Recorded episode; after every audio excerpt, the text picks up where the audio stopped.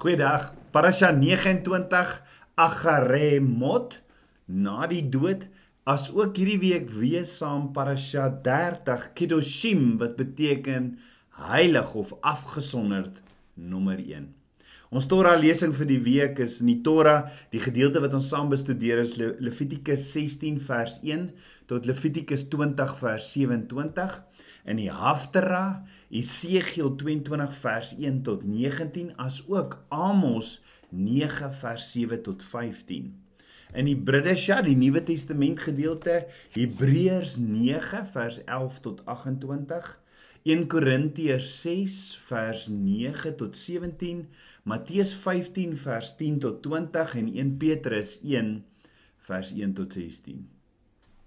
Die 29ste gedeelte uit die Torah En die 6ste lesing uit Levitikus word genoem Agaremot wat beteken na die dood. Ons gaan 'n bietjie later kyk na Kedoshim, die 30ste. Maar die naam Agaremot wat beteken na die dood. Hierdie naam is afkomstig van die eerste woorde van die eerste vers van die parasha of gedeelte in Levitikus 16 vers 1 wat sê en Jahwe het met Moses gespreek na die dood van die twee seuns van Aaron wat gesterf het toe hulle voor die aangesig van die Here nader gekom het.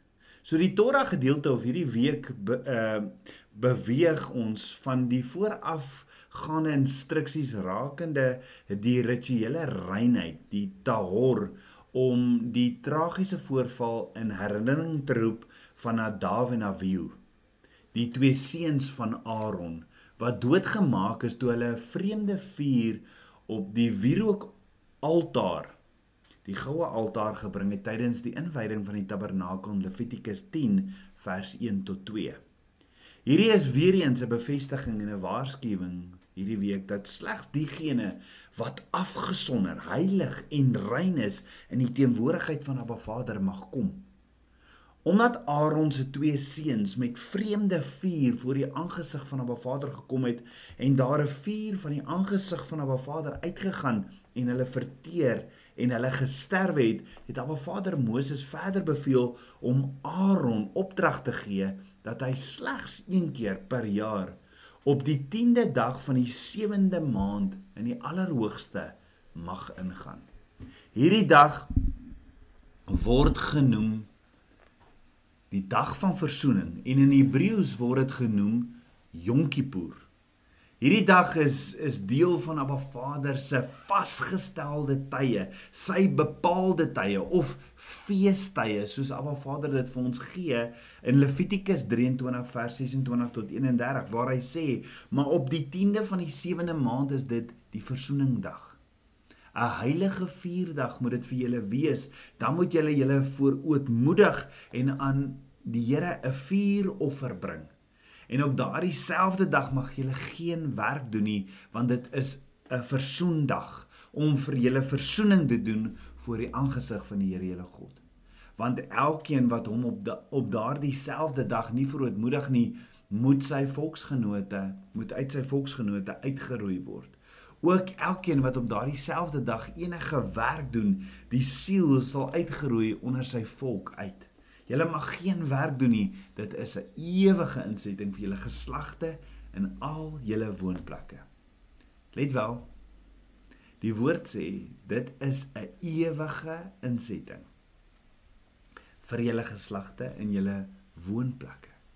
Nou die vraag is, hoe Hoe kan hier staan dit is 'n ewige insetting as die Nuwe Testament sê ons hoef nie meer Abba Vader se feeste of sy vasgestelde tye of selfs sy sabbate te vier nie. Wat bedoel jy? Hoe waar staan dit? Hoor gou-gou. Hoor gou-gou wat staan in 1 Korint, ag 1 Kolossense in Kolossense 2 vers 16 tot 17. Daar staan Daarom moet julle nie dat iemand vir julle voorskrywe wat julle moet eet en wat julle moet drink of dat julle die jaarlikse feeste of die nuwe maandfeeste of die Sabbatdag moet vier nie. Dit is alles maar net die skaduwee van wat sou kom. Die werklikheid is Christus. So baie word hierdie verkondig dat ons hoef nie meer die Sabbat of die feesdae of uit die vasgestelde dae van Abba Vader te vier nie, want dis staan nie so. In die in die leefstyl Bybel vir vroue staan dit ook Die woord sê dan duidelik. Ek meen die woord sê duidelik in hierdie Bybel sê die woord moenie dat iemand vir julle voorskrywe wat julle moet eet en drink nie of dat julle Abba Vader se jaarlikse feeste of Sabbatdag moet vier nie. Die 83 vertaling sê ook laat niemand julle dan oordeel in spys of in drank of met betrekking tot 'n fees of nuwe maan of Sabbat nie. Hoor hoe mooi sê, hoor hoe mooi sê die 83 dit. Moet niemand dat julle kan oordeel in spys of in drank of met betrekking tot 'n fees of 'n nuwe maan of 'n Sabbat nie, wat 'n skaduwee is van die toekomstige dinge, maar die liggaam behoort aan Christus. Dan sê die King James wat baie naby is aan die oorspronklike Bybel sê let no man therefore judge you in meat or in drink or in respect of an holiday or of the new moon or of the sabbath days which are a shadow of things to come by the body of Christ. Met ander woorde hoor gou die vertaling van die teksvers uit die oorspronklike woord van Abba Vader Do not let anyone judge you in eating or in drinking or in part of a feast or of the new moon or of the Sabbath, which are a shadow of the coming things, but the body of Christ. Nou, gaan kyk jy hierdie in konteks, sal ons sien dat Paulus skryf aan die gelowiges van Kolosse. Met ander woorde, die wat Abba Vader, hy skryf aan die gelowiges, die wat Abba Vader se woord onderhou het en wat glo in Yeshua ons verlosser. Hierdie kinders van Abba Vader was baie geoordeel deur mense omdat hulle juis Abba Vader se instruksies gehou het. Soos wat ons vandag baie van die kinders van Abba Vader geoordeel word wat Abba Vader se feeste, sy Sabbat onderhou. So pa Paulus sê vir hierdie gemeente as ons mooi lees, let no one judge you but the body of Christ. Met ander woorde, laat geen mens julle lei nie behalwe die liggaam van Yeshua. Met ander woorde, doen soos die liggaam van Yeshua geleer is om uit die woord van Abba Vader te leer en daarvolgens te wandel en moenie dat die wat buite staan die wêreld julle oordeel nie. Paulus sê juis vir hulle, julle is gehoorsaam, julle Shema Abba Vader se woord, soos die liggaam van Yeshua veronderstel is om te wees, maar moenie dat enige iemand julle oordeel omdat julle die feeste van Abba Vader of die Sabbat onderhou nie. Jy sien so baie mense glo die wet of die instruksies van Abba Vader het weggeval na Yeshua se kruisiging, maar my vraag is watter wet of watter instruksie het dan weggeval? Mag ek dan nou steel omdat Yeshua gekruisig is? Het die Sabbat weggeval omdat Yeshua gekruisig is?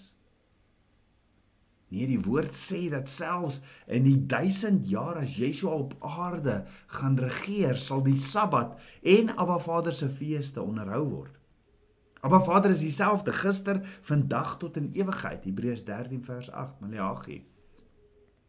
Abba Vader het nie vir Moses op berg Sinai die huwelikskontrak of die wet of die ketuba soos ons dit ken gegee en toe later gedink o, oh, jete, dit was 'n fout en gedink hy sal eerder sy seun stuur dat daar nie meer wette is nie. Alles wat Abba Vader geskep het, is goed en Abba Vader maak nie foute nie. Voor Adam en Eva nog gesondig het, het Abba Vader al 'n verlossingsplan gehad vir my en jou. Yeshua self sê in Matteus 5 vers 17: "Daarom moenie dink dat ek gekom het om die wet of die profete te ontbind nie. Ek het nie gekom om te ontbind nie, maar om te vervul." So kom ons gebruik 'n praktiese voorbeeld in vandag se terme. Ons landwet sê, ons bly mos hier in Suid-Afrika. Ons landswet wet sê ek mag nie vinniger as 60 km/h in 'n 60 km sone ry nie. Sou jy 110 km/h in 'n 60 km/h sone ry, is jy besig om die wet van die land te breek. Want as die verkeerskonstabel jou vandag vang, gaan hy of vir jou toesluit of hy gaan vir jou meer as 'n R2000 kaartjie gee, fine gee. Sou jy die fine kry van R2000 en ek kom na jou toe en ek sê vir jou Yes, ek weet jy jy jy het verkeerd gedoen. Jy het nie besef jy jaag so nie. Moenie worry nie. Ek sal hierdie fine vir jou betaal. Want weet jy wat ek is lief vir jou. Ek vat dan die fine en ek skeer hom op nadat ek hom betaal het. Die prys is betaal, jy is vry. Niemand het op daardie stadium jou ewen in 'n ander land gesit. Jy bly nog steeds in Suid-Afrika. Jy's vry van die kaartjie wat jy gekry het op die spoedgrens wat jy oorskry het. Jy's baie dankbaar en bly, maar die ding is, klim jy jou terug in jou kar, is jy nog steeds in dieselfde land met dieselfde reëls en jy mag nog steeds net 60 km/h ry in 'n 60 km sone. Onthou, ek het die fine kom opskeer. Ek het nie die wet kom vernietig wat sê jy mag vinniger as 60 km/h in 'n 60 km ry nie. Ek het die fine kom opskeer. Jaag jy weer verby daai speedkop en hy keer jou en jy jaag weer 110 op daai 60 en die speedkop jy sê sê hoorie wat wat dink jy? Hoekom hoekom dink jy het jy die wet opgeskeer omdat die wet ge, omdat iemand dit vir jou betaal het? Die wet is nog daar en Yeshua het nie die wette kom wegvat nie. Jy sien wanneer ek binne in 'n verbond, wanneer ek in verbond is met Abba Vader, dan sê ek uit dankbaarheid dankie, dankie, want Abba Vader se seun Yeshua het hierdie fyn wat eintlik my dood was, want die loon van die sonde is die dood. Hy het dit op sy skouers gevat sodat ek kan lewe. Nou gaan ek die verbond, die wet of die instruksies gehoorsaam want ek is lief vir hom. En kan jy hierdie groot liefde van Abba Vader sien? Johannes 3 vers 16 sê, want so lief het God die wêreld gehad dat hy sy enige gebore seun gegee het sodat elkeen wat in hom glo nie verlore gaan nie, maar die ewige lewe kan hê. So mag ons Abba Vader, mag ons as tabernakels kinders van Abba Vader honger wees na sy waarheid en doen wat hy van ons vra. So in die eerste gedeelte in in Parasha 29 en ons gaan later kyk na Parasha 30. So in die Torah gedeelte vir Parasha 29 hierdie week sien ons in Levitikus 16 vers 1 die groot versoeningsdag en Levitikus 17 vers 1 net een opper uh, offerplek in in Levitikus 17 vers 10 verbod om bloed te eet. Jy word ver, verbod om bloed te eet.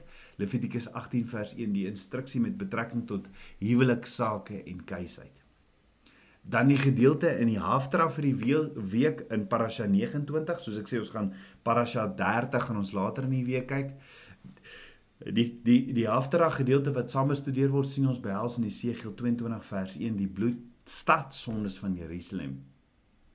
Die gedeelte in Parasha wat in Parasha 29 bestudeer word behels Hebreërs 9 vers 11 Yeshua as hoëpriester 1 Korintiërs 6 vers 12 Ons liggame is die lede van Yeshua.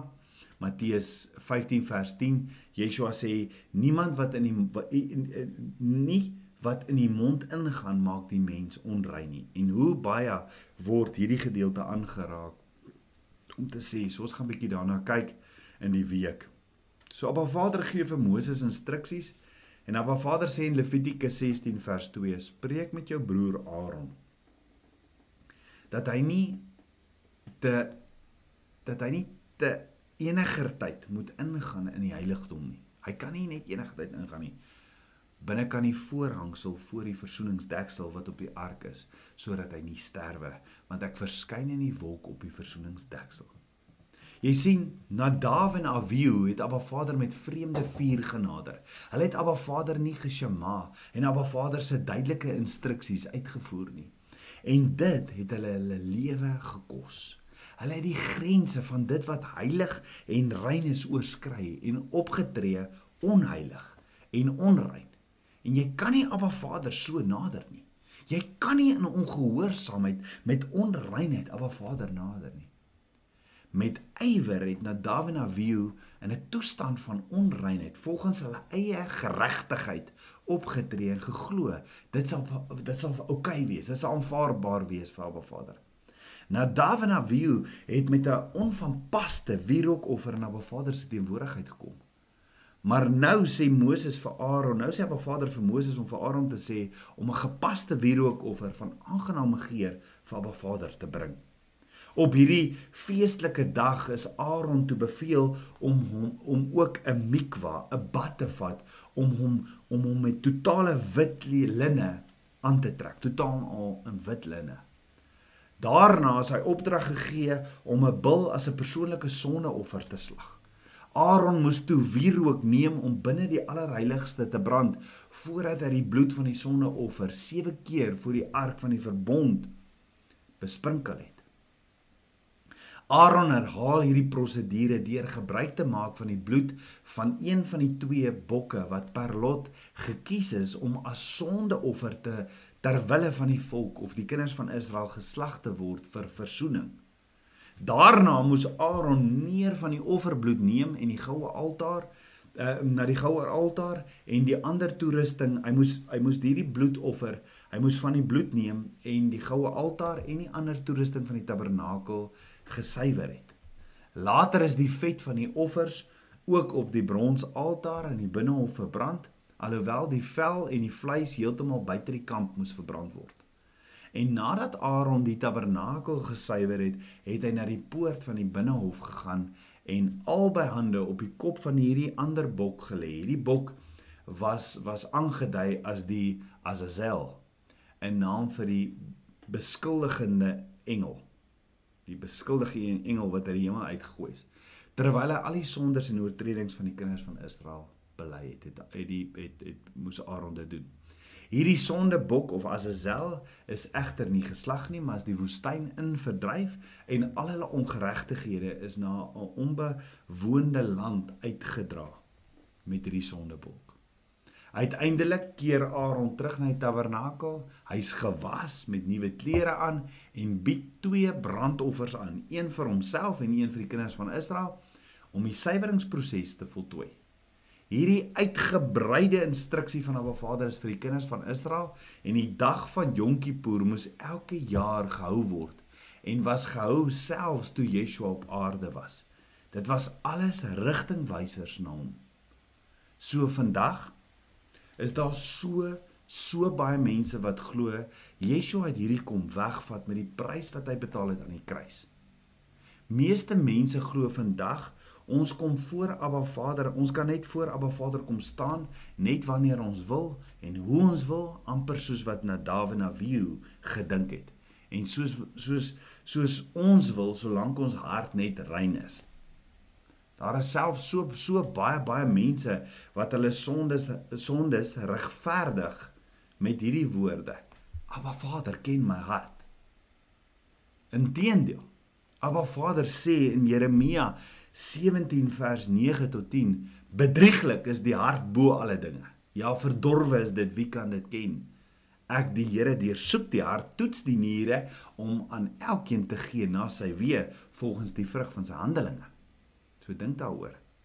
As jy glo alles wat jou hart sê is oukei okay, of jy regverdig jou sondes deur te sê Abba Vader ken my hart. Is dit nie gevaarlik nie? As jy glo alles wat jou hart sê is oukei, okay, noem vir my 'n geloof wat dit nie glo nie. Almal glo dat jou hart rein moet wees. Elke geloof glo dat hulle hart moet rein wees voor hulle God. Wat maak die priesterlike bruid van Yeshua anders? Wat ons anders maak is dat Abba Vader het vir ons 'n duidelike protokol en instruksie gegee van hoe om hom te nader. Jy sien alle paaie lei nie na die hemel toe nie. Nee, daar's 'n nou pad wat lei na die hemel toe. So hoe kan ek Abba Vader nader in intimiteit? Daar is net een manier. Yeshua sê in Johannes 14 vers 6. Yeshua is ons hoëpriester. Hy het die prys betaal en daarna gaan ons verder kyk in die week. Maar Yeshua sê in Johannes 14 vers 6: Ek is die weg, die waarheid en die lewe en niemand kom na die Vader behalwe deur my nie. Yeshua is ons hoëpriester. Daarom moet ons gaan kyk hierdie prentjie wat Vader vir die hoëpriester vir Moses sê vir die hoëpriester vir Moses om vir Moses hy sê vir Moses om vir die hoëpriester Aaron te sê hoe om hom te nader is alles 'n rigtingwyser na ons hoëpriester Yeshua en daarna gaan ons verder kyk in die week kom ons bid saam ons almagtige Vader Papa God skepper van my hart Vader ek loof en ek prys U Abba dankie vir U woord dankie vir Yeshua wat ons hoëpriester is Dankie vir die pryse wat betaal is. Vader, Ek wil nie sê u ken my hart nie. U ken alles, maar ek wil Vader, ek wil u kom vra soos Dawid, deurgrond my hart. Toets my en kyk of daar enige berou in my. Vader, ek wil terugkeer na u weë, u woord, net u waarheid vir my lewe. Kom leer my net u waarheid. Vader, vat die blinddoek, uh, vat die skerms weg en leer ons net die waarheid. Dankie vir ons hoëpriester wat vir ons intree, wat vir ons verzoening doen. Kom leer ons meer en meer van u waarheid, net u waarheid asseblief Abba. Ek bid dit alles in Yeshua Messie se naam, die seun van Jahweh. Amen. Shalom.